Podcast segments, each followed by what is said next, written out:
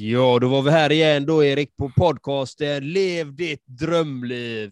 Med brutal Patreon har vi också. Vi har ju faktiskt en ny månadsgivare, va? Stämmer inte det, Erik?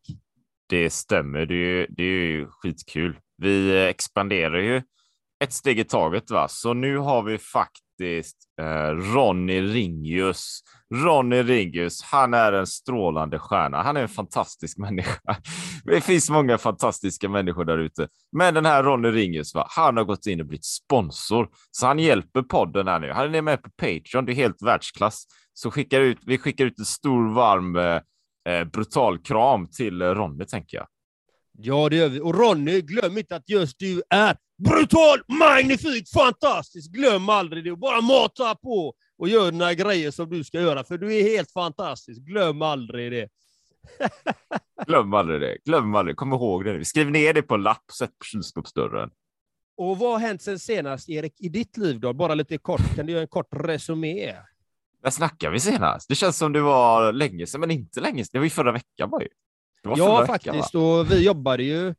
Eh, du hjälpte ju mig lite med min e-kurs. Eh, alltså lite, lite algoritmer och sådana här saker och det ena och det andra. Det var väldigt kul och nu är faktiskt för dig kära lyssnare är Mata på-kursen ute, där du får en ettårs, treårs, femårs och tioårsplan för att du ska kunna skapa ditt drömliv. Så där är den. Och eftersom just du är mig och lyssnar på den här podden så tänker jag faktiskt att du ska få en rabattkod också som kommer vara 50 procent ska jag försöka lägga in den och den heter Lev ditt drömliv, den taggen. Så får du 50 procent på den mata på-kursen helt enkelt för att du lyssnar på den här fantastiska brutala podden. Grymt bra, grymt bra där Andreas. Och, och är man på plattformen där, det är ju fina grejer liksom. Det, det är omslagsbilden är ju världsklass. Den är ju, den är ju riktigt fin. Det blir ja. bra. Man kommer inte bli besviken, det tror jag inte. Och bilden är ju min älskling som har tagit. Hon är så fantastisk. ja, men idag har vi faktiskt ett fantastiskt spännande avsnitt och vi har med oss en gäst idag, eller hur Erik? Det har vi. Vi har Daniel här som gäst och eh, som eh, vi brukar göra brukligt här i vår eh, ritual när vi bjuder in gäster så här, så att vi säger liksom inte så mycket om gästen utan gästen får presentera sig själv. Va? Eh, vem, vem eh, han eller hon då är och vad de gör och, och vad de har för eh, vinkel och så där. Va? Så det blir jättespännande. Så det gör vi bara rakt på här. Vi lämnar över ordet till Daniel. Välkommen. Berätta lite om dig själv så sätter vi igång bara. Tack så mycket. Jag heter Daniel Sundvall, är nuvarande 36 år. Eh, vem jag är? Nu för tiden så är jag väl en vanlig eh, samhällsmedborgare kan man säga, men det har jag inte varit i mitt liv. Eh, jag är en före detta kriminell missbrukare. Eh, varit större delen av mitt liv, har drivits av ja, livsplågor kan man säga i, i större delen av mitt liv. Därav har jag drogat väldigt mycket och varit väldigt kriminell. Eh, jag har kommit ur det. här. Jag var ren i snart sex år. Eh, nu jobbar jag med eh, förebyggande arbete och behandling. Jag hjälper alltså andra människor med att komma ur missbruk och ja, psykisk ohälsa. Och även förebyggande och försöker förebygga så mycket som möjligt. Ute och föreläser och bedriver behandling och jobbar på hem för ungdomar och så vidare. Vad fint, vad fint. Grattis till att du är ren. Att du har skickat skiten rätt ner i holken och spolat bort skiten. Det har jag gjort. Fantastiskt. Riktigt bra jobbat. Och, men hur... Alltså, din, din kriminella, kriminella bana började väl vid 13 års ålder, som jag har förstått det? Mm. Vad var säga. det som hände? Den började väl kanske lite... Den började, jag började dricka när jag var 13. Ja, men min kriminella bana började väl då också lite smått med lite skadegörelse och man gick in och började snatta och grejen är ju så här att jag har alltid varit väldigt, vad ska man säga, framåt eller nyfiken på saker och ting. Haft dålig självkänsla och varit tvungen att hävda mig. Och då, då, då hävdade jag mig genom att kanske snatta inför kompisar och slå sönder saker inför mina vänner och så vidare. Eh, sen så skenade ju detta ganska fort med, med andra kriminella saker och droger och så vidare.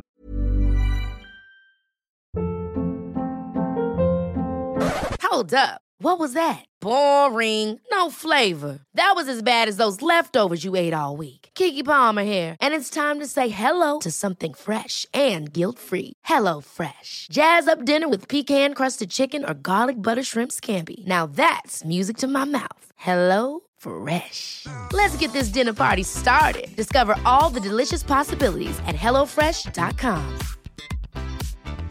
Mom deserves the best, and there's no better place to shop for Mother's Day than Whole Foods Market. They're your destination for unbeatable savings, from premium gifts to show-stopping flowers and irresistible desserts. Start by saving 33% with Prime on all body care and candles. Then get a 15-stem bunch of tulips for just $9.99 each with Prime. Round out Mom's menu with festive rosé, irresistible berry chantilly cake, and more special treats. Come celebrate Mother's Day at Whole Foods Market.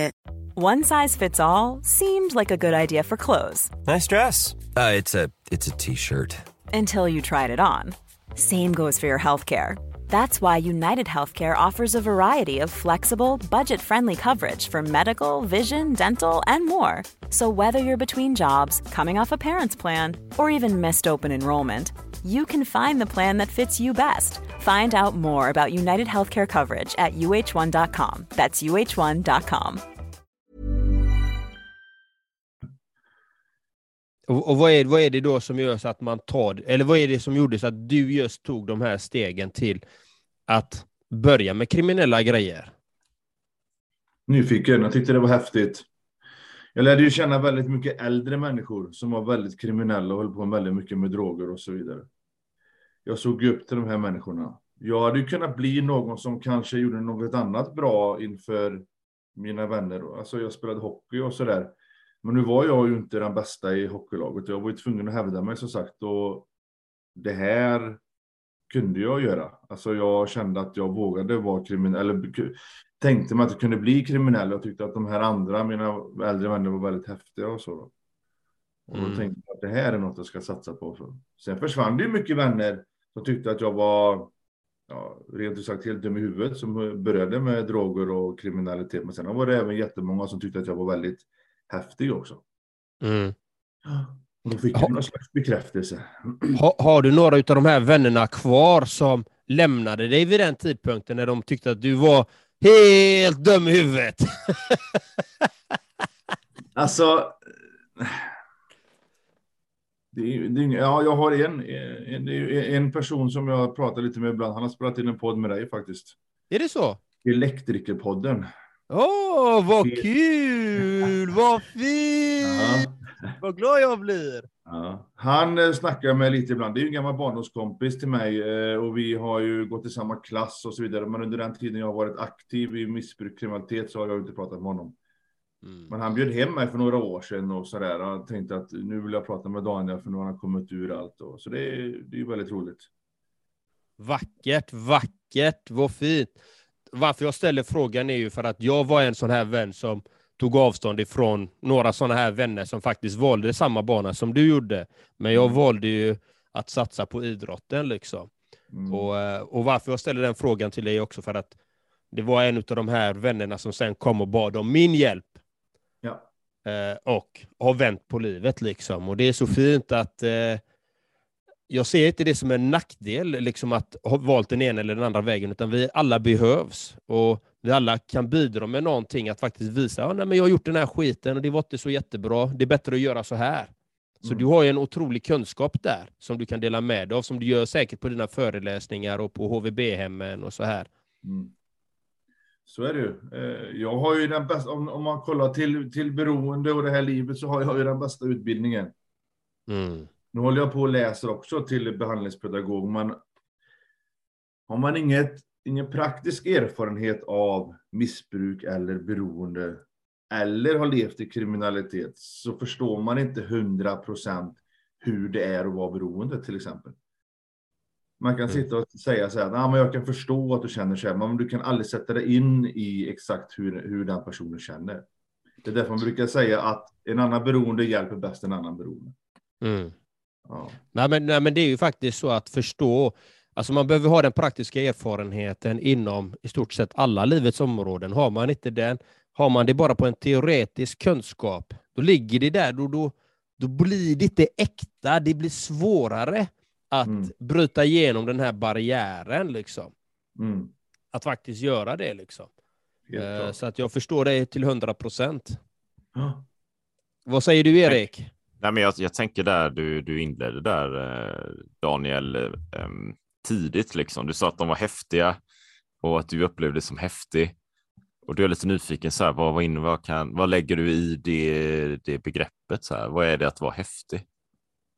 Jag tyckte att det var att misshandla andra människor och sälja droger. Ja. Tyvärr. Mycket pengar hade de väl. Alltså, vid vissa tillfällen åkte de ju alltid fast och så torskade de och så där. Men det såg man ju inte som ung. När man är ung är man väldigt naiv och man ser inte de här konsekvenserna. Man, även om man ser dem framför sig så tänker man att det händer inte mig. Alltså jag har sett jättemycket konsekvenser när jag var ung. Det var jättemånga som pratade med mig att Donna, gör inte så här eller gör inte så för det kan bli så här. Men mm. ändå så kommer man dit. Men jag tyckte att de var häftiga på grund av allt olagligt de gjorde nästan. Hur, hur ska man nå en sådan ungdom då? Hur, hur, skulle, hur skulle en person nått dig att fatta att du ska göra andra val? Det här, är ju, det här får jag ofta på som frågor på mina föreläsningar. Det här är en svår fråga, en väldigt svår fråga. Jag tänker kärlek, kärlek, kärlek, kärlek. Uppmuntran, uppmuntran, information, information. Det är typ de tre sakerna. Um. Alltså, visst, jag blev skickad till socialtjänsten när jag var ung och så där, men då satt det en person som bara hade läst sig till alla grejer, som jämförde heroin med cigaretter och sådana grejer. Och det, det, det, funkar liksom inte. Det, det, det, går inte. Men hade de kanske fått ta på någon som till exempel mig då, som är före detta, som jobbar med det här nu, som hade kunnat fånga upp under en längre tid. Det går inte bara med en månad eller några veckor eller typ ett samtal i veckan, utan det, man måste fånga upp de här ungdomarna och vara med dem hela tiden så att genom sätt att vara och agera så kan vi förändra andra människor. Mm. Tänker jag. Är det... Är det... Steget, men... Ja. Nej, jag tänkte bara, är det, upplever du att det är det som man jobbar nu för tiden mer då? Eller kanske var, eller jag, jag vet ju inte, men jag tänker mig att förr eh, man går tillbaka 10-20 år så kanske man var mer allmänt naiv liksom i samhället. Man, man eh, jobbar inte på samma sätt med missbruk och liknande, utan nu är det mer, man har mer andra erfarenheter. Eh, man har mer erfarenheter nu, det har man ju absolut, eh, eftersom att eh, om kollar hur det ser ut i samhället så ser man ju hur, hur allting har eskalerat. Så det är klart att folk sätter sig in mer i hur saker och ting fungerar och så där. Men tyvärr alltså, jag, jag kan höra, alltså, det är många skolor som, som tackar nej och säger nej, men vi har inte tid just nu eller det behövs inte just nu eller och då kan jag bara vilja gå dit och prata med ungdomar. Jag behöver inte ens föreläsa. Jag, det var någon skola som har, de har jättemycket problem och jag vet att de har jättedålig ekonomi. Jag sa att jag kommer gratis och prata med dem en första gång. Det är inga problem. Alltså, allting handlar inte om pengar. Eh, jag vill gärna hjälpa människor och sprida ett bra budskap, men ändå så sa de nej, men det är nog inte aktuellt nu. Okej, okay, men jag var där med polisen för ett år sedan för att jag hade stora problem och det har inte förändrats liksom. Men tyvärr alltså. Det... Vilken skola var det då? Vi, vi hänger ut dem. Det var i Skara. I Skara. I Skara. Ja. Tyvärr. Det är lite som, det, är, det får mig lite, lite att tänka på ändå på något sätt det vi gör, du, John Andreas. Vi, sådär, att vi på något sätt ändå jobbar med att väcka människor. Vi, vi, ser ju att det är på ett visst sätt. Eh, vi har de här normerna som ser ut på ett visst sätt och så här och alla 9 till 5 och man ska eh, jobba så och göra det och man, mm. man lever inte det livet som man kanske egentligen vill leva. Nej. Det är lite eh, sidan av på något sätt. Ja, men så är det ju absolut. Eh, och jag tycker det här är inte bara om man, om man kollar till exempel sjukvård. Så är de ju väldigt dåligt insatta i det här också. Mm. Så många människor som jag. Jag fick ett brev av en kille för jag kan dra en snabb historia. Det var en kille som jag har missbrukat lite med. Vi blev ovänner. Eh, jag blev väldigt våldsam mot honom. Eh, han tog avstånd från mig. Jag tog avstånd från honom. Eh, sen hörde han, sen blev jag drogfri och han ville sluta. Han hörde av sig till mig. Jag gjorde en gottgörelse till honom för att jag hade skadat honom. Och så frågade han, kan du hjälpa mig att bli drogfri? Ja, jag kan hjälpa dig att bli drogfri om du vill. Och så började vi köra en, började köra en behandling med honom. Och Han var missbrukare, blandmissbrukare, tagit mycket amfetamin. Och så kommer han till läkaren och så säger de, som de alltid gör med någon som är obehandlad i ett beroende, så säger de att du har ADHD eller ADD. Det är, den diagnosen får de alltid, alltid. Och så, så säger de att vi skriver ut Elvanse till dig. Elvanse är eh, amfetamin i kapslat, jättefin burk, hämtat på apotek bara. Och då sa jag till min kompis att du kommer inte kunna ta den här burken, för det är ingen skillnad om du hämtar ut ett fint paket på apoteket som är kapslat och i en fin burk. Det har ingen betydelse om det, om det ser ut så eller om du köper det i en påse i, i, i, en lägenhet. Precis samma substans. Det kommer gå till helvete för det, så. Ja, men läkaren säger att det är medicin, då, då, då kommer det funka. Ja, fast din läkare har fel. Tyvärr, din läkare har fel för det, det funkar inte. Ja, men det, detta är ju en, jag får ju på recept så då funkar det, säger läkaren. Tyvärr, din läkare vet inte vad han pratar om. Och sen är det svårt, för en läkare har ju lite auktoritär och ja, man du vet, de, mm. de sitter är läkare, folk tror på dem och så, där. Vad hände sen? Han började missbruka eh, och nu sitter han i fängelse. Jag fick mm. ett brev för, ja, nu är det kanske ett år sedan, där han skriver Daniel, jag skulle lyssnat på dig angående Elvansen, jag skulle inte tagit den. Jag, mm. hade, jag skulle inte lyssnat på läkaren. Mm. Och så här, det här händer hela tiden. Jag försöker komma ut till även sjukhus och föreläsa, men de är ju väldigt sådär att de vet allt, tyvärr. Väldigt många, inte alla, inte alla, men på väldigt många ställen då får man inte komma ut. Och det är väldigt tråkigt när man försöker hjälpa dem. Det blir förstört. Ja, nej men det är ju så också. De som har ofta, spelar ingen roll vilket typ av alltså missbruksproblematik. Eh, de har ju väldigt, de, de får ju oftast ha en nolltolerans kring alla de här sakerna liksom. Så, för så fort de tar bara alltså, vi säger en milligram, alltså mikroliter, då är de där igen. För det blir ja. så starkt, det triggar ju kroppen liksom. Precis. Nervsystemet och allting och då fortsätter de. Så därför är det nolltolerans liksom. Precis, man måste, du har helt rätt där. Eh, man måste avhålla sig från alla droger. Ja. Det är skitsamma om, om en person bara har tagit amfetamin. Då kan inte han ta benzo till exempel. Bensodiazepin. Bara för att han bara tagit, eller, eller dricka alkohol. Alkohol är ju någonting som många lurar sig på. Ja, för, det, för den, den bedövar ju lite alltså medvetandet och helt plötsligt så är man där. Det är ju det ja. många gör. Liksom. De, tar, de tar en, två, tre öl eller tre drinkar och sen är det kört. Liksom. Yes. För det, man behöver avhålla sig från alla droger och då gäller det Många som säger man alkohol är ju lagligt. Jo, man i Portugal är alla droger lagligt. Jag kan ju inte ta dem för det. Det har ingen, det har ingen betydelse om den är laglig eller inte. Det går ju liksom inte. Men det, detta är ju folk som inte vet. Alltså de sådär. Kan inte dricka lite alkohol bara? Nej, det, jag drack alkohol när jag var 13, 14, 15, mellan 13 och 18 kanske jag drack alkohol. 13 och 15 ganska mycket. Sen tror jag ju bara, sen blev jag ju en ren eh, alltså, knarkare, rent ut sagt. Mm. Och jag lurade ju mig också på det i början. Men jag är ju ingen alkoholist tänkte jag. Jag kan ju dricka lite alkohol. Nej, jag, prov, jag provade det är många gånger. Det gick inte. Det går inte. Antingen så har jag druckit tre öl medan de hade druckit en. Eller så hoppar jag på något som du säger. Alltså att jag hoppar på något annat. Mm.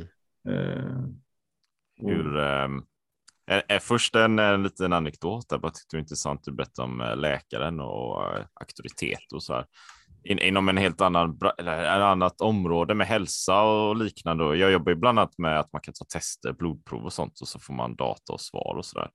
Mm. Eh, om omega, omega 3 och liknande och det har vi pratat om i podden också. Så här. Eh, men då är det jag, jag har ingen vit rock, jag är, inte, jag är ingen läkare, jag är legitimerad läkare. Så om jag säger något sånt här till någon så, ja men det är intressant och så. Och sen kan ju de eller den personen eller eh, så eh, prata med läkare och fråga, ställa samma frågor. Då får de helt andra svar.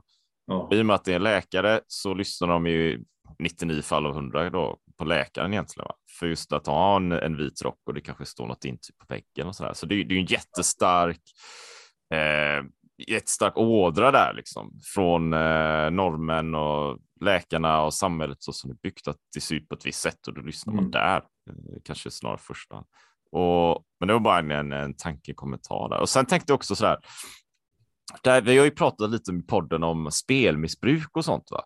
Mm. Och där var det intressant att höra mycket om hur, hur eh, ändå vanligt det är omfattande det. För det är ju någonting som jag i alla fall upplever som döljs under mattan eller inte syns så mycket där ute.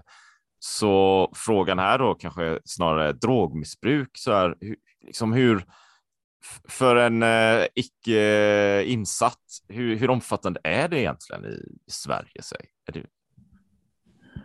Jag vet inte hur många procent de brukar säga att det är, men jag vet inte. Jag ser, eftersom jag jobbar med det så ser jag ju det väldigt mycket, så för mig blir det ju mycket. Men jag vet ju att de flesta kan ju dricka en bärs kanske. Eller röka en joint så kan de stanna där sen. Eller vilken drog det än är så kan de stanna där. Merparten är ju inte beroende. Sen är det ju skillnad på bara vara missbrukare och även ha fått själva, alltså beroende, det, det klassas som en sjukdom. Och det är ju skillnad där. Ofta så brukar du ju börja bruka en drog. Sen kanske du hamnar i ett riskbruk. Ta lite mer än vad du ska göra. Sen missbrukar du, och då tar du alldeles för mycket än vad du borde göra. Sen under, eh, någon gång under den här, de här, eh, den här tidsspannen här så kan du ju bli beroende också. Och blir du beroende så kommer du inte kunna... Jag har aldrig träffat en beroende som har klarat att sluta själv, utan han har varit tvungen att ta, eller gå en behandling för det, för att kunna tillfriskna från det här. En missbrukare till exempel. Eh, vi säger att eh, han tar en överdos. Han är inte beroende, han bara missbrukar. Han tar en överdos och är nära på att dö och så vaknar han upp på sjukhus och tänker han shit, jag är på dö. Nu, nu måste jag, jag måste sluta med det. Och sen så klarar han det. är lite jobbigt och sådär, men han klarar att sluta själv. Han har inga jobbiga tankar, inga direkta jobbiga känslor. Och så kan han sluta själv. Så kanske han kan börja dricka efter fem år igen. Är du däremot beroende så kommer du aldrig kunna droga med dig hela ditt liv. Du kommer inte kunna ta en, precis som John-Andreas säger, du kommer inte kunna ta lite av någonting. Det är helt omöjligt. Plus att du kommer behöva alltså, ta, gå en behandling för att kunna hantera dina tankar och känslor och kunna avhålla dig från, från olika droger. För det, det är väldigt många som säger om jag har varit drogfritt år nu, men så sitter de så här och håller tummarna och tänker måste bara vara drogfri idag också. Bara idag. Alltså de mår skit. De är drivna av ångest, depression, en känsla av värdelöshet. Vad ska jag ta? När ska jag ta det? Hur ska jag ta det? Vad ska jag köpa? Hela tiden. De har inte tillfrisknat. Man har kanske lyckats vara drogfria, men de är inte friska för de mår jättedåligt. Så det är det man behöver behandla då. Mm. Hur ser en sån behandling ut då, kort och gott? Jag kör ju något som heter tolvsteg. Mm. Om ni har hört talas om det förut. Ja, jag har, jag har några klienter faktiskt som går tolvstegsprogrammet samtidigt som de går till mig. Ja, du har det ja. ja. ja. Tolvsteg är ju ett av de ett av de vanligaste, kändaste behandlingsprogrammen som visar sig funka bäst på, mm. På beroende. Så det, och det är den jag har gått själv och det är den jag går, äh, kör med andra då. Och sen så när jag kör en behandling, till exempel om någon hyr in mig till behandlingshem, då kör man ju en mer fördjupad sån version, behandlingsversion, plus att man gör de traditionella stegen sen då. Mm. Men det kan ju vara att man ska erkänna att man är maktlös inför alkohol och andra droger, att man inte kan hantera sitt liv. Mm. Eh, du ska inventera harm och rädslor bland annat. Mm. Du ska gottgöra människor du skadat. Mm. Sådär, ja. Och det är, ett, mm. det är ett dagligt behandlingsprogram. Jag kan ju inte, jag satt här och mediterade och grejer innan vi pratade för att det ingår i tolv steg. Mm. Att jag måste göra varje dag, för slutar jag med det så kommer jag snart höra en röst som säger du kan nog ta en till Daniel. Mm. Ja, kanske jag kan, tänker jag. Mm. Och då tar jag det där lilla John Andreas och då är det kört sen. Ja, nej, men så är det för många liksom, som, ja. är, som är, har beroendet. Yes. Och, och, det är precis som du säger, missbrukare, den har ju lite enklare så att säga, men det är ändå tufft för en missbrukare också. Absolut. Och, det, och uh, vissa missbrukare de, de, de, kan köra du vet, ett halvår utan att dricka någonting eller ta någonting eller, eller spela eller vad det nu må vara. Liksom. Och sen Sen så kan de falla dit. De, de, de sätter de här målen. Men ett halvår så ska jag vara helt ren. Ja. Och, sen, och sen börjar de och sen, sen hamnar de i en djup svacka igen. Ja. Och, sen börjar de om igen. Ja. Det är ett väldigt vanligt scenario hos de som är missbrukare. Mm. ja, men jag kan ju ta en nu, du vet, jag kan det. Men då hamnar de i den här svackan ändå. Ja, De, de, de, de vet ju det, men det, de tycker det är så gött att hamna i det där ruset. Det är det som är grejen. Ja, precis. Och det är ju livsfarligt att hamna där. Det här är, alltså om man kollar till beroende, det är en högst dödlig sjukdom. Mm. Alltså jag Vad- är jättetacksam över att jag kan sitta här och prata med er idag, att jag ens har överlevt allt jag Ja. har varit med om. Vad heter det? Vad var, det? vad var första steget för dig att komma ur den här skiten? Att nå min botten, Mm. min personliga botten. Mm. Man brukar säga att en eh, beroende måste nå sin personliga botten totalt, helt och hållet. Och det kan man tro att man har gjort många gånger, men det har man inte gjort. Alltså jag hjälper ju folk hela tiden och jag känner igen mig själv också att de tror att nu är jag villig att göra allt, säger de. Och så, jag har verkligen nått min botten. Men sen så börjar man säga, gör det här och det här då. Ja, varför ska jag göra det då? Varför har du frågor om vad du ska göra när du vill göra allt, sa du. Ja, men ja, vi skiter i det här. Ja, Okej, tyvärr. Men det var, det var att nå min personliga botten, att jag mådde så fruktansvärt dåligt. Mm. Sen brukar man säga att eh, en missbrukare har världens längsta halvmeter mellan hjärna och hjärta. Världens längsta halvmeter. Det behövs en sammanstråla nästan. Så att man förstår vad folk säger till dig och vad Mm. du ska göra och sådär. Mm. Hur, eh, hur, hur, vet, hur vet man att man har nått botten själv då? Liksom? Eller vad är det för tankar som snurrar i huvudet då? Liksom? Eller för känslor som... Det, är- det, är det, det, det är detta som är väldigt svårt. För att jag trodde flera gånger att jag hade nått min botten. Men det hade jag ju tyvärr inte, för att jag påbörjade behandlingar, sen hoppade jag av. Sen är det ju så här att eh, eh, eh, ett beroende är väldigt starkt. Det kan vara väldigt jobbigt att möta sina känslor. Det kan vara jobbigt att böja på nacken. Det kan vara jobbigt att svälja sin stolthet. Men fast det brukar ju ge med sig när man verkligen har nått sin botten, för då, då bryr man sig inte om det. Då sväljer jag med stolthet och jag, säger, och jag böjer på min tjurnacke och så säger jag, jag gör vad som helst för att sluta. Mm. Men Precis. När man har nått botten, då vet man när man verkligen, verkligen, verkligen, verkligen har nått botten, då vet man. Nu är jag på botten och här vill jag aldrig mer hamna. nej, nej. Och då är man ju villig att göra vad som helst. Exakt. För att sluta med, och detta har ju inte bara med beroende att göra, detta har ju med psykisk ohälsa, eller det kan vara vad som helst. Exakt. Jag, jag har sagt till så många så här, "Nej, men jag mår så dåligt och jag har fått, nu har jag fått ett litet SSRI-preparat och så. Skit i det, börja meditera morgon och kväll. Och så börjar du med kanske en kvart morgon och en kvart kväll och så kommer du, men du måste göra det varje dag för att det ska funka. Du kan inte göra det en gång i månaden. Och, "Ja, jag ska prova. Sen så pratar jag med dem efter en vecka och så säger jag, har du gjort det då? Jag har gjort det en morgon och en kväll. Ja, vill du inte må bättre? Jo, ja, testa det då. Ja, men så gör de inte det. De har inte nått sin botten. Nej. Nej, men så är det. Och, och jag har ju många klienter som eh, inte, inte av den anledningen kommer till mig, men de får ju också massa olika uppdrag, liksom, olika utmaningar och saker som de ska tillföra in i sin vardag. Och det är precis samma, även om man inte har nått sin botten så faller man dit och så kommer de upp. Men så har de märkt, märker de här klienterna då, liksom, när de väl mår bättre. För de, Mm. de flesta de, är, de flesta människor är inte riktigt på topp. Liksom. De, det är alltid någonting som hämmar dem. Liksom. Men när Mm. de har börjat med de här stegen så märker de ja, men jag mår bättre den här veckan. Och varför gör du det då? Ja, jag vet inte, men har du gjort de här grejerna som vi har pratat om? Har jag gjort dem? Kan ha Mm. någonting med det att göra? Det stämmer bra det. Jag vet inte hur det fungerar, säger de. Jag har ingen aning, men det fungerar. Ja. Exakt. Det är ju det det gör. Ja. Du behöver inte veta exakt hur det fungerar, bara att det fungerar. Det är det enda som är intressant. Exakt så. För så brukar jag också säga till de jag hjälper att analysera inte så mycket. Gör det bara. Du märker att det funkar. Du behöver inte analysera. Varför funkar det här? Skit i det. Det funkar. Exakt. Kör bara. Gör det, gör det bara. Ja, kör bara, kör bara. ja, det är underbart. Och se. Vad, vad, vad är det du brinner för då, eh, Daniel? Vad brinner du för i livet? Nu brinner jag för min familj och, och hjälpa andra människor skulle jag säga. Mm. För det är det jag dedikerar. Min familj såklart.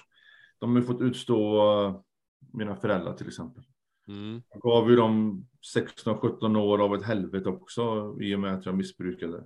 Mm. Eh, så deras liv har jag förstört i många år också, tyvärr. Mm. Men de, Mm. vi har jättebra kontakt idag. Jag brinner för både min mamma, min pappa och min syster. Mm. Vad fint. två- Ja, det är jätteskönt. Och sen har jag två små barn på åtta och nio år också. Mm. Man brinner jättemycket för. Mm. Hela, hela, min- hela min familj eh, brinner för. Och sen som sagt att hjälpa andra. För det, det är liksom det, det har blivit mitt kall i livet känner jag. Mm. Och det känns som att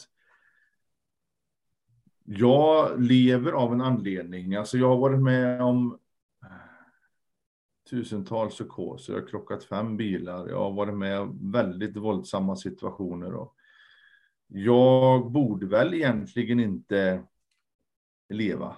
Så tänker jag. Alltså, alltså, om man kollar till vad jag har varit med om så många gånger så kanske jag inte borde leva. Men nu sitter jag här och det känns som att jag har fått en chans och, och jag får ta vara på den här chansen. Det känns som att jag har blivit, vad ska man säga, Mom deserves the best, and there's no better place to shop for Mother's Day than Whole Foods Market. They're your destination for unbeatable savings, from premium gifts to show-stopping flowers and irresistible desserts. Start by saving 33% with Prime on all body care and candles. Then get a 15-stem bunch of tulips for just $9.99 each with Prime. Round out Mom's menu with festive rosé, irresistible berry chantilly cake, and more special treats. Come celebrate Mother's Day at Whole Foods Market. Ever catch yourself eating the same flavorless dinner three days in a row? Dreaming of something better? Well, HelloFresh is your guilt-free dream come true, baby. It's me, Kiki Palmer. Let's wake up those taste buds with hot, juicy pecan-crusted chicken or garlic butter shrimp scampi. Mm. Hello Fresh. Stop dreaming of all the delicious possibilities and dig in at HelloFresh.com. Let's get this dinner party started.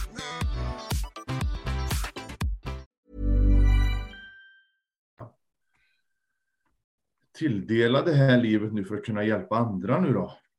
Eh, Och hjälpa dem med min erfarenhet och, och sådär. Så det, det är liksom det jag har, jag brinner för verkligen. Vad fint. Mm. Vad heter det? Du jobbar ju på HVBM och du föreläser. Är det mest för ungdomar du föreläser eller är det för vuxna? Föreläser för alla, eh, även om du är ung eller vuxen. Det är väldigt många skolor som hör av sig. Eh, men jag föreläser för alla. Mm. Eh, Det är väldigt många skolor som är rädda eh, när det kommer till föreläsningar. För det kan ju bli, beroende på hur du föreläser, så kan det bli tvärtom-effekt. Mm. Om jag säger att jag har varit nära på, om jag drar någon slags, det brukar dra för vuxna, brukar jag dra de här krigshistorierna kanske. Jag har varit nära på att dra yxa i människor och jag har hotat folk med pistoler och alla sådana här saker. För att se hur grovt våldet kan bli och hur långt man kan gå för att, ja, för att eh, få ett rykte. Mm. Säger jag inför en sjunde eller åttonde klassare att jag var nära på att dra en yxa i någon, då blir de kanske som mig, va? att de tänker shit vad cool han är. Mm. Ni vad jag menar? Ja. Så det behöver det, därför är väldigt många skolor rädda för att ta in föreläsare. Men jag drar inte sådana historier när jag föreläser för yngre. Då inriktar jag mig mer på att prata om beroendesjukdomar. Sen pratar jag om mitt liv också lite, men och det är samma. Föreläser jag så kan jag inte säga att när jag tog amfetamin så mådde jag sjukt bra första gången. Det kan jag inte säga för en sjundeklassare. För då Mm. hör de amfetamin, sjukt bra. Mm. Jag kan säga att när jag tog amfetamin första gången fick jag en effekt kan jag säga. Det är stor skillnad. Mm. Och då hör de inte sju, då hör de bara effekter. Alltså, men tyvärr så är det ju många, jag, jag fattar att de är rädda sådär, men jag försöker förklara för dem att jag föreläser på ett helt annat sätt och jag är väl medveten om att det kan bli tvärtom effekt. Men därför jag har lagt upp det på ett helt annat sätt. Då. Mm. Men Det- eh, jag skulle ju vilja ut mer till vuxna och föreläsa också. Mm. Just nu är det mest skolor, vilket är jättebra och jag är jättenöjd med det. Men alltså fler socialtjänster kanske, fler poliser, eh, läkare som pratar om, alltså du vet sjukvården. Mm. Jag behöver ut till. ja? Höja fingret lite där, ajabaja. vilken, vilken, finns det någon sån här målgrupp du känner de här, de här skulle jag vilja snacka med, för det skulle göra stor skillnad. Eh, som är svår att komma in i. Du, du, nämnde ju läkare där. Man kan ju tänka sig att eh, det är kanske en sån grupp exempelvis. Om, om de har, har koll på det här så skulle det göra stor skillnad. Det kanske någon annan grupp. Och de har av sin sida kanske eventuellt bara, nah, du vet, vi vet inte, vi vill, vill prata med Daniel här. Mm. Av någon anledning. Polisen. Polisen? Ja, helt klart. Jag har jobbat stenhårt. Jag har vissa poliser. Jag har ju varit ute lite och jobbat med polisen och åkt ut till skolor och sådär. Jag har jobbat stenhårt för att få ett bättre samarbete med polisen. Eh, och nu äntligen så fick jag till en föreläsning med polisen i Trollhättan. Grattis, bra jobbat! Tack, tack. Du vet, man får inte ge sig alltså. Man måste Aldrig! Aldrig! Aldrig. eh, men de jag skulle vilja, så är det poliser som hör det här. Ta kontakt med mig. Vi kan göra något bra liksom. Mm, det... Och din hemsida är två, vad hette din hemsida? Danielsundvall.com Danielsundvall.com Glöm ja. inte det. Du som Glöm lyssnar. Inte det. Ta kontakt. Gör det. Eh, nej, men eh, polisen skulle jag jättegärna vilja ut med mer. Eh, faktiskt. Mm. De har också mycket att lära. Jag ringde polisen i Lidköping, nu är det många år sedan. Nu är det de som har tagit mig mest. De kanske, jag vet inte, de kanske inte tror att jag kanske inte vill ha med att göra, jag vet inte. Men då pratade jag polisen och sa, är vi verkligen rätt målgrupp för dig? Och då tänkte jag, vad fan skojar du med mig nu eller? Ni tar ju sådana som mig varenda dag. Ni har ju med sådana missbruk kriminella. Det är ju det ni gör. Ja, de hjälper ju på andra sätt också, men och då tänkte jag, är ni, ni är ju verkligen rätt målgrupp. Ja, men det är nog inte aktuellt. Nej, då kom det där igen. Det är inte aktuellt. Men jag ger mig inte. Jag ska höra av mig till dem igen. Det är bara mm. att köra. Det är bara att kötta på, mata på. Det är bara ge sig aldrig. Finns inget annat. Nej. Vad heter det? Jag tänker på droger. Va? Jag, jag hade inte sett droger förrän jag blev coach första gången. Alltså mm. förrän jag var iväg. Liksom, och hur vanligt är det egentligen? Liksom, alltså, hur vanligt är droger i vårt samhälle? Alltså på riktigt, vad får man tag i det? Alltså på riktigt? Det har blivit, alltså det var väldigt vanligt när jag var ung också. Eh, eller när jag var aktiv så var det väldigt vanligt. Nu är det oroväckande vanligt. Gå in på Snapchat till exempel. Och så kollar du listan, lägg till snabbt finns det en lista där det finns massa exempel. Eller typ. Jag vet inte, har ni Snapchat? Nej. Nej. Nej, nej. Vill inte ha det heller. nej, nej. Mina brorsbarn har sig. Jag ser ju det ibland. Vad är det där? Snapchat? Jaha, okej. Okay. Då ska jag försöka förklara för er. Det är alltså med Snapchat. Ni vet vad programmet är för någonting? Jajamän. Ja, då. Ja. Och då, kan man, då finns det en lista där man kan lägga till vänner och sånt. Och då, finns det, då kommer det upp en lista på typ eh, exempel på vänner man kan lägga till. Och bara där, jag var inne senast i förrgår och kollade. Då står det så här, röka säljes, weed säljes, eh, alkohol finns, eh, drogakuten, bla bla bla. Då lägger du bara till så, då skriver du till dem, känna vad finns, ja, jag vet, finns det och det, var bor du? Ja, jag bor där och där, okej, vi kommer att lämna till dig. Så simpelt är det att få tag på mm. droger. Genom att gå in på Snapchat och lägga till en vän. Eh, Sen är det ju väldigt vanligt, jag pratar ju som sagt, jag jobbar ju med ungdomar, jag pratar ju jättemycket med ungdomar och eh, de står och säljer på skolorna, helt öppet nästan på vissa skolor. Gömmer i olika skåp. Och skaffar dem en målvakt som är yngre och säger att jag vill, jag vill ha mina droger i ett skåp. Så får du det här och det här. Eller så tvingar de dem. Och när polisen kommer med hundar, vilket de gör ibland på skolor, då åker de inte fast. Utan då är det någon som är 13 år som betalar med det som inte kan åka fast. Mm, just det. Eh, så de utnyttjar ju väldigt mycket yngre i, i alla sorters. Detsamma om du, om du om du behöver ha en pistol med dig. Då bär du inte den själv, för det är två års fängelse för grovt vapenbrott. Ska mm. ge. Då har du med dig en som är under 15 som går med dig hela tiden, som håller din pistol. Då kommer polisen så händer inget. Ja, de tar ju vapnet av men de, då, Du åker inte fast. Alltså, om jag skulle göra det, jag åker inte fast. Fem, den som är under 15, ja, det blir en socialtjänstanmälan, kanske brev hem till mamma och mm. pappa och sen så händer det ingenting. Eh, så det är det utnyttjandet av yngre. Ja, och det är ju det. Hur kommer vi åt de här yngre? Det är ju det enda som är det intressanta egentligen. Mm. Och det är som jag säger då, de behöver ha människor på skolor som har erfarenhet av det här, som jobbar på skolor hela tiden. Mm. Som går runt där, som fångar upp ungdomarna, som är med dem varje dag. Det går inte en gång per vecka. Ja. Mm. Alltså en gång är bättre än ingen gång, naturligtvis. Allting är bättre än inget. Det, det ska jag inte säga, men för att verkligen kunna fånga upp så behövs det lite... Visst, det kanske inte behövs varje dag, men några gånger per vecka så under en längre tid då. Mm. När man pratar med dem. Men alltså, det är så vi får fånga upp dem. Eh, och kanske man kan vara nere på fritidsgården och fånga upp dem där eller... Ja. Hur, hur ser du på sociala medier kring, eh, kring det här? Den här frågan som vi pratar om, fånga upp ungdomar. Mm. Kan man använda sociala medier på ett bättre sätt än vad man gör? Absolut. Man kan sprida mer budskap på sociala medier hela tiden.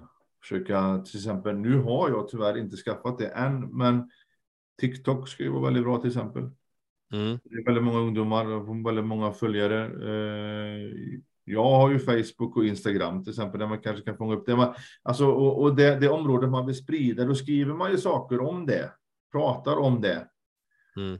Du John Andreas är väldigt bra på det till exempel. Du lägger ja. upp mycket och du peppar och, ja, man, du vet, och, och då ser man det hela tiden och tänker shit, jag kanske tar mm. kontakt med John Andreas, han peppar ju bra. Ja, man, du vet, förstår du vad jag menar? Eller bara kolla på klippen och ja, lyssna. Det också. Det för, och det är min intention, precis som du säger. Det är därför jag ställer frågan, för att där har vi en möjlighet. Om fler och fler alltså, sprider bra budskap på sina sociala kanaler, för det är ett otroligt ansvar.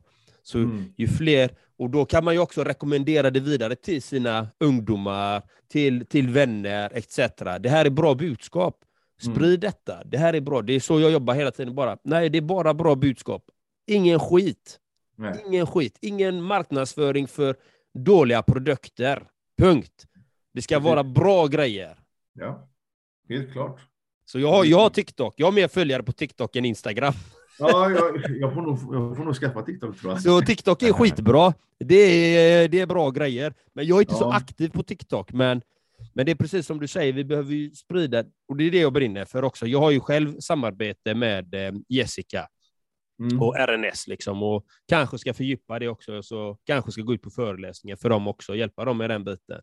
Men, ja, men jag, jag, jag talar ju inte om droger på det sättet, utan jag talar ju om välja gynnsamma val. Vill du vara brutal, ja, då, då, får du, då kan du inte ta skit. Punkt. Om du ska vara brutal, du kan inte ta skit. Fatta det, liksom. Ja. Ja. Nej, men det skulle du kunna prata jättebra om. Och det blir ja. också förebyggande. Att få dem att inte ta. Exakt. Jag menar, du kan ju prata om det förebyggande arbetet. Det är ju du lika bra som jag gör. Alltså, Mm. Sen om själva drogbiten, det kanske blir en annan grej, men du kan fortfarande göra ett jättebra jobb när det kommer till det förebyggande och prata om psykisk ohälsa kanske. Och, Jajamän. Ja, och, och det är jättebra. Ju fler, vi skulle behöva fler som gör detta. Absolut. Man skulle behöva, man skulle behöva ha en, ett garage av olika människor. Mm. Som gör olika saker, som pratar om olika saker. Eh, för att kunna få med alltihop. Exakt. Och... Det är ju många, det är ju som ett eh, cykelstall. Ja. I och med att jag håller på med träning mycket själv. Då. Men att man har många olika egenskaper som man kan kalla ut i olika situationer. Liksom. Yes. Så Daniel, du har ju din bit där med drogerna och sen har vi Andreas eh, brutalism och liksom eh, syftet där. Va? Jag pratar mycket om äventyret och upptäcka sin urkraft och komma ut och köra Ironman eller maraton och liknande. Liksom ja. så här, olika drivkrafter. Sen, om man, sen har man ju någon föreläsning eller någon målgrupp så här, men då kallar man ju fram Daniel eller mig kanske, eller Andreas. Men det mm. handlar ju egentligen om samma sak, liksom att väcka människor så här så att de kan våga ta egna beslut och vara mer proaktiva mer proaktiva livet istället för reaktiva. Man gör någonting och sen baserat på det gör man något annat liksom i någon slags negativ spiral cirkel nedåt. Vi vill ju ja. väcka människor. Då. Och jag, jag, vill återkoppla lite till missbruk, till beroendeproblematik, till beroende. Eh, för du sa ju att du var på bottens botten. Mm. Och eh, när man är på bottens botten i min verklighet, då, då, då känner man, nej men jag jag vill vända på det här. Och varför vill man vända på det här? Och det är lite det, vad var din drivkraft till att vilja vända från skiten, från botten till det? Vilka, vilka, vilka ankare, om du förstår vad jag menar, vilka ankare använder du dig utav för att ta dig vidare upp därifrån? Jag, tänk, jag får säga en fråga. För jag tänker på dina barn. Kan de ha varit en drivande kraft i dig för att du skulle komma upp ur skiten? Din familj till exempel. Absolut. Det var en stor drivkraft. Uh, och en av de primära drivkrafterna skulle jag säga. Hade jag inte haft min familj så hade det säkert varit svårare för då kanske inte jag hade haft något speciellt att leva för kanske. Sen är det klart att jag valde ju livet ändå. Eller jag kanske hade valt livet ändå, men. Sen är det ju så att man kan ju. För en som är beroende, man måste ju vilja göra det för sig själv. Jag kan inte göra det för mina barn bara. Jag känner att jag vill inte sluta, men jag måste för mina barn. För så sa jag många gånger. Och jag försökte, jag försökte, men jag ramlade, ramlade, ramlade. Men sen då när jag nådde min bottens botten, då kände jag att jag vill inte må så här längre. Jag vill inte, alltså. Den psykiska terrorn man får genom att hålla på så. Den är extrem alltså. Man mår fruktansvärt dåligt. Det är bara ångest och man är deprimerad och självkänslan är i botten. Man, alltså, det går inte. Och, och den här jag brukar likna det med att man känner sig som om man är schizofren nästan. Det är väl alla människor nästan? Negativ schizofren. Ja, man, ja, man, jag, jag, kan få, jag fattar vad du menar där, för nu hör jag ju en sund röst i mitt huvud. Förut hörde jag röst som sa Daniel, du kan ta lite till. Ta bara lite, du måste ta lite för att du ska må bra. Och så hörde jag någon annan som sa, nej men jag kan ju inte ta det här. Det går inte. Nu hör jag inte den negativa rösten längre. Sen jag, gjorde, alltså, sen jag behandlade mig så hör jag en sund röst. Mm. Ring den personen om du mår dåligt. Gör det. Ja, det ska jag göra. Man förstår vad jag menar? Jag förstår precis. Och ah, den här rösten blir så stor när man är beroende. Den är så stark. Det går inte. Det är samma med psykisk ohälsa om jag fattar det rätt. Liksom. Ja, det, det är ja. också ett missbruk. Alltså tankarna kan bli ett missbruk, att du har negativa tanke, tankebanor. De blir ett missbruk. Alltså ja. du, du fastnar i de här tankarna hela tiden. Du återgår till de här. Jag är värdelös, jag mår dåligt, alltså jag är skit, jag klarar ingenting, ingen älskar mig, etc. Jag är värdelös. Alltså de, vissa människor spinner ju det på repeat mode och de tar överhanden. Ja. Och Ja, nu spann jag iväg här. Frågan var vilka ankare. Ja. eh, nej, var familjen. Och sen mm. så fick jag ankare, jag, att jag ville välja livet. Jag ville leva, jag ville inte dö. För som sagt, jag, jag, kunde, alltså jag satt det sista och kunde sitta med bens i en hand, opiater i en hand. Det är väldigt farligt att blanda dem. Man kan få andnöd och man kan dö väldigt lätt och så. Där. Och jag kunde sitta, eller så satt jag i sig i många år, men då kunde jag sitta och så tänkte jag att när, om jag tar de här det är benzo, de här opiaterna. Antingen så dör jag eller så får jag världens rus. Okej, okay, då kör vi. Alltså du vet. Så starkt är det alltså. Man, man, och jag vill ju inte dö egentligen. Mm. Jag vill leva ett bra liv. Mm. Och då kände jag bara att jag kan inte må sig. Jag vill leva, jag vill inte dö. För ju mer man håller på, till slut så dör man ju. Om man håller på så. Mm. Väldigt många gör det i alla fall. Mm. Och jag kommer ihåg, jag sitter där, jag, hade en, jag hyrde en etta i andra hand i Lidköping och barn, alltså min dåvarande tjej, barnens mamma. Jag får, inte, jag får inte träffa barnen, får jag inte göra. Jag har ingen vårdnad om barnen heller. Vid mm. den här eh, tidpunkten. Eh, jag har inte träffat dem på länge. Jag kan träffa dem någon enstaka gång med mina föräldrar. Jag sitter där en tidig morgon och varit vaken i säkert fem dygn på amfetamin och jag har käkat massa bens och jag har uh, rökat uh, gräs och grejer. Och då ringer hon, det är disigt, jag kommer ihåg det så väl och det är disigt ute och hon ringer och jag svarar hallå. Och då säger hon så här, Daniel, vill, vill du inte träffa dina barn längre? Jo, det vill jag göra. Ja, men du kommer dö om du fortsätter. Du förstår, du har varit nära på att dö flera gånger och du kommer dö, du kommer inte få träffa dina barn. Och då kände jag liksom, oh, shit, Alltså, det är helt rätt. Och mina föräldrar ringde kort efter också, för de hade ju pratat då, och de sa samma sak. Och jag kände bara att shit, det här funkar ju inte, det går inte. Och jag satte mig ner i soffan, försökte gråta. Jag är så avstängd, jag tänkte fan jag är psykopat eller vad är det med mig? Jag kan inte gråta, jag känner inga, jag känner inga, jag mådde dåligt men jag ville må, jag, jag tänkte jag måste ju må sämre än på grund av mina barn. Så jag ville gråta, men jag gick inte gråta, jag kom en tår typ. Och sen snortade jag massa amfetamin igen för att försöka bedöva. Det är det man gör som mm. missbrukare eller beroende. Men där och då, eller kort efter, så kände jag att det här går inte längre. Det funkar inte längre. Och då tog jag kontakt igen med socialtjänst och jag ville att jag skulle betala behandlingsreform. För jag tänkte att jag gör... Och då kände jag att nu är jag fan redo att böja på min nacke och göra vad som helst. Mm.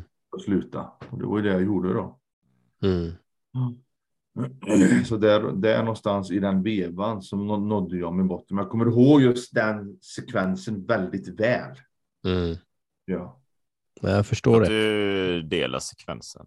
Ja. Det är ju väldigt gripande. Väldigt, väldigt bra. Eh, och till er som lyssnar, som kanske har en missbruksproblematik, som kanske har beroende av något slag. Det finns alltid människor som har gått igenom resan som kan stötta dig i det. Till exempel som Daniel, mm. eller jag, som också varit på bottens botten fast av andra anledningar. Eh, Mm. Det kan vara Erik, Too Strong Arm, som har gjort vissa saker och så här. Så att det finns alltid människor Amen. som faktiskt kan detta. Och jag, och, jag, och jag blev också gripen av din historia, eller den sekvens som du berättade där, Daniel. Men jag tänker, vad har du för rutiner idag? Eller inte rutiner, men vad har du för saker som är dina stöttepelare, så att säga, som får dig att välja de här sunda valen i, i ditt liv nu? En väldigt stor del är att prata, Mm. alltså känslor. Mm. Jobbiga känslor. Man får, inte, man får inte ha en tung ryggsäck. Mm. Den är jobbig att bära på. När den ryggsäcken med jobbiga känslor blir för jobbig, då tänder man på om man är missbrukare alltså, eller beroende. Mm. Om man andra grejer. Meditera gör jag. Mm. Eh, jag ber gör jag. Mm. Eh, hjälpa andra människor gör jag. Eh, det är de stöttepelarna som är de starkaste. Det går på tolvstegsmöten jag. Mm. Eh, Det var de, de stöttepelarna som är de, det drivande, det starkaste i mitt liv. Mm. Som jag gör. Och, och för att återkoppla till tolvstegsmötena, då, då, då får ni oftast, de som går tolvstegsprogrammet, så som det, jag har förstått, jag har aldrig gått på det där, men de som har gått på det har jag förstått att de får en handledare också, va? Ja, en sponsor. Precis. En sponsor heter Kallar man det. Ja, precis. Mm. Och det, det är ju det som jag sa här, det är ju steg 10, 11, 12 egentligen. För steg 10, då ska man in, alltså när man, när det dyker upp själviskhet, oärlighet, rädsla eller harm i Mm. sig, då ska Mm. man inventera det. Mm. Alltså jag ska kolla, då ska man ringa till sin sponsor, ska man prata om varför känner jag så här, varför gör jag så här? Mm. Vad är min del i den här harmen egentligen? Varför harmas jag? Jag, jag ju, behöver inte harmas, det är bara mig det är jobbigt att harmas. Mm. Eh, steg 11, det är bön och meditation. Och Då är Mm. det viktigt att säga att tolvsteg pratar mycket om Gud, men man får välja. Det är inget kristet eller sådär. Jag eh, tror inte på Bibeln. Det är jättebra om man gör det. Jag säger inte att det är fel att göra det, men man ska välja en egen högre kraft som man liksom ber till. Eller man kan kalla det prata högt för sig själv om man vill. Om det är jobbigt. Mm. Där, det ska man inte analysera så mycket. Man behöver inte vara kristen för att... Man behöver tro på något däremot. Mm. Och det kan ju vara själva programmet, tolvstegsprogrammet kan man tro på. Mm. Eh, och där är det bön och meditation. Och sen på kvällen så går man även igenom känslor. Eh, vad kunde jag ha gjort bättre? Kunde jag ha hjälpt någon mer? Har jag varit självisk eller oärlig? Eh, man inventerar dagen och hur jag har varit och så tänker man det kunde jag gjort bättre. Men då har jag med mig det tills imorgon. Då jag harmades väldigt mycket. Eller jag var självisk. Mm. Imorgon ska jag vara osjälvisk. Mm. Och steg 12. Hjälpa andra Mm. beroende genom stegen. Mm. Den bästa immuniteten mot att inte, eller mot att droga, det är att hjälpa andra, brukar stå det i den här tolvstegsboken och det stämmer alltså. Jag ger mm. någonting. Mm. Så när jag hjälper en annan så säger jag att bara så att du vet så hjälper du mig nu. Mm. Nej, det kan man inte göra. Jo, det är sant, för jag, när jag hjälper dig så hjälper du mig. Exakt. Det, det, är ju det, som är, det är ju det som är så faktiskt. Det är det som är så fantastiskt. Det är som alla mina peppvideos. När jag säger att någon är brutal så säger jag det till mig själv också. Ja, det är klart. Det är klart. Du är brutal, magnifik, fantastisk. Jag pekar ett finger till dig, men det är tre till mig själv. Ja, det är klart. Helt rätt. Ja? Nej, men... så, så, är det ju så är det alltid liksom. Eller om man lär ut, om man lär ut någonting generellt, men då bör man ju sätta in sig i det själv också. Så, där. Så, så man blir ju hela tiden starkare och, och tror mer på det man gör såklart. Man stärker ju den. Det blir en positiv apropå den här negativa spiralen neråt, det blir en positiv spiral uppåt där som, ja. som har en eh, fantastisk kraft tänker jag. Precis. Ja, och, och nej, men det är fantastiskt och det är ju precis det. Jag jobbar ju som livssyftecoach. För er som inte vet det så är det ju faktiskt mycket. Jag pratar mycket med mina klienter om meditation, skaffa sina egna mantran och det är det jag gör. Jag tar fram essensen i människan. Det är egentligen det jag gör så mm. att du kan använda det som ett supermantra, ett superbön, mm. kan man kalla det. Mm. Och det är det du lever efter, det är dina kriterier. Det är egentligen mm. det, och sen kan man använda dem, applicera just det verktyget i allting man gör. Så mm. det, där, jag, där är det unikt att jag faktiskt är den enda i Sverige som gör det. Så det mm. älskar jag. det är bra. Ja. Bra. Och, och, där, och där, därför jag får många från tolvsteg som kommer till mig faktiskt, som, mm. som kör både och. Mm. Och det är ett otroligt bra komplement faktiskt, har jag märkt. Absolut. Så att, eh, men har du några sista tips du vill ge till våra fantastiska lyssnare som faktiskt har hängt med på det här avsnittet? Du, ja, du tänker för generella tips, eller? Ja, vad är din, eller om det är någonting du vill dela med av som du tycker är viktigt? Jag tycker det är viktigt att och det är många som tycker det är så här. Men för, för, jag, alltså, jag var ju våldsam förut. Ja. Jag visar mycket hat. Mm. Kärlek. Alltså visa kärlek till din familj. Visa kärlek till nära och kära. Hjälp andra människor. Släpp din självcentrering. Och rikta den centreringen mot andra istället. Mm. Det är ju det primära. Sen och även att inte glömma att ta hand om sig själv. Men det behöver man inte vara självcentrerad för, för att göra. Eh, utan det handlar ju bara om att man ska må bra då. Mm. Men eh, det är ju mitt primära tips. Och sen är det ju även, det finns ett tips om träna, rör på dig. Ja, det är ju du också John Andreas. Du tränar. Mm. Ja, det är ja, också. Ja, Erik Tusen Arms. Det är klart. Ja. rörelse, rörelse medicin, va? Rörelse, det är så fantastiskt viktigt. Ja, och det är många som glömmer av det. Visst, du kan ta hand om... Alltså ja, man tar ju hand om det, det psykiska när, när, du rör på dig också. Så det mm. handlar inte bara om att hjälpa andra kanske, eller meditera är viktigt tycker jag. Det är otroligt kraftfullt eh, att meditera om man gör det på rätt sätt eller om man gör det varje dag så är det, funkar skitbra. Eh, mm. För det mesta. Mm.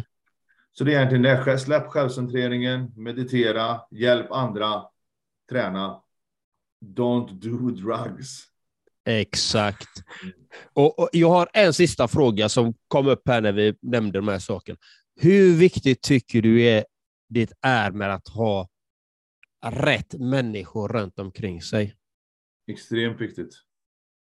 Extremt viktigt. Alla negativa bort. Du brukar säga rätt ner i... Vad är det du Rätt ner i holken! Rätt ner i holken, ja. Rätt ner i holken med dem, säger jag med då. Bort med dem. Alltså negativ energi, det blir inget positivt. Nej. Sen kan man ju tänka sig att kan jag hjälpa den människan på något sätt? Han kanske inte mår bra eller hon inte mår bra på grund av den negativa. Men vill de inte då? Okej, okay, fine, du kan höra av dig om du kanske vill ha hjälp om du mår dåligt. Så. Mm. Annars är det rätt ner i holken. Mm. Jag, jag har lite olika uttryck. Idag, idag gjorde jag ju en med fähundar och svansviftare rätt in i hundkojan. Gjorde ja. jag idag. Det var hundkojan. Ja, det är bra. Det är bra. Jag älskar det. Jag älskar det. Så jag har lite olika uttryck beroende på, är det, är det fårskallar och får liksom och så, här, så är det rätt, rätt ut i hagen bara med dem. Ja. Eh, Och är det åsnor och rätt in i stallet med åsnorna, vet du. Och det, det är lite olika jag har liksom. Så jag, Man får variera sig lite. ja, ja, men, Ja, det är är, det pissråttor så är det rätt ner i kloaken bara. ja det är klart. Nej, men vad fint att du eh, ville vara med, Daniel. Och för er som är intresserade av Daniel så har han en hemsida, Daniel Sundvall. Sundvall. Punkt. Yes. Säger du hemsidan? Danielsundvall.com. Och steg för steg på Facebook finns jag, har jag en sida också. Mm. Steg för steg på Facebook. Toppen. Toppen. Och eh, då tackar vi för att du var med idag på Lev ditt drömliv. Tack för att jag fick vara Vi med. tackar väldigt mycket. Riktigt kul att du var med Daniel. Mycket värde, mycket värde för lyssnarna. Tack så jättemycket. Och, och till dig lyssnare, du får gärna kommentera, dela gärna det här till många människor, för många behöver höra just om detta tema som vi har talat om idag. Extremt viktigt, tycker jag. Mm. Mm. Så ha det gött så länge. Hej! Ha det toppen. Hej. Ha det bra. Hey, it's Paige DeSorbo from Giggly Squad. High quality fashion without the price tag. Say hello to Quince. I'm snagging high-end essentials like cozy cashmere sweaters, sleek leather jackets, fine jewelry, and so much more. With Quince being 50 to 80% less than similar brands. And they partner with factories that prioritize safe, ethical, and responsible manufacturing. I love that. Luxury quality within reach. Go to quince.com slash style to get free shipping and 365 day returns on your next order. Quince.com slash style. Mom deserves the best, and there's no better place to shop for Mother's Day than Whole Foods Market. They're your destination for unbeatable savings, from premium gifts to show-stopping flowers and irresistible desserts. Start by saving 33% with Prime on all body care and candles. Then get a 15-stem bunch of tulips for just $9.99 each with Prime. Round out Mom's menu with festive rosé, irresistible berry chantilly cake, and more special treats. Come celebrate Mother's Day at Whole Foods Market. Imagine the softest sheets you've ever felt. Now imagine them getting even softer over time. That's what you'll feel with Bowl and Branch's organic cotton sheets. In a recent customer survey, 96% replied that Bowl and Branch sheets get softer with every wash. Start getting your best night's sleep in these sheets that get softer and softer for years to come. Try their sheets with a 30-night guarantee. Plus, get 15% off your first order at bowlandbranch.com. Code BUTTERY. Exclusions apply. See site for details.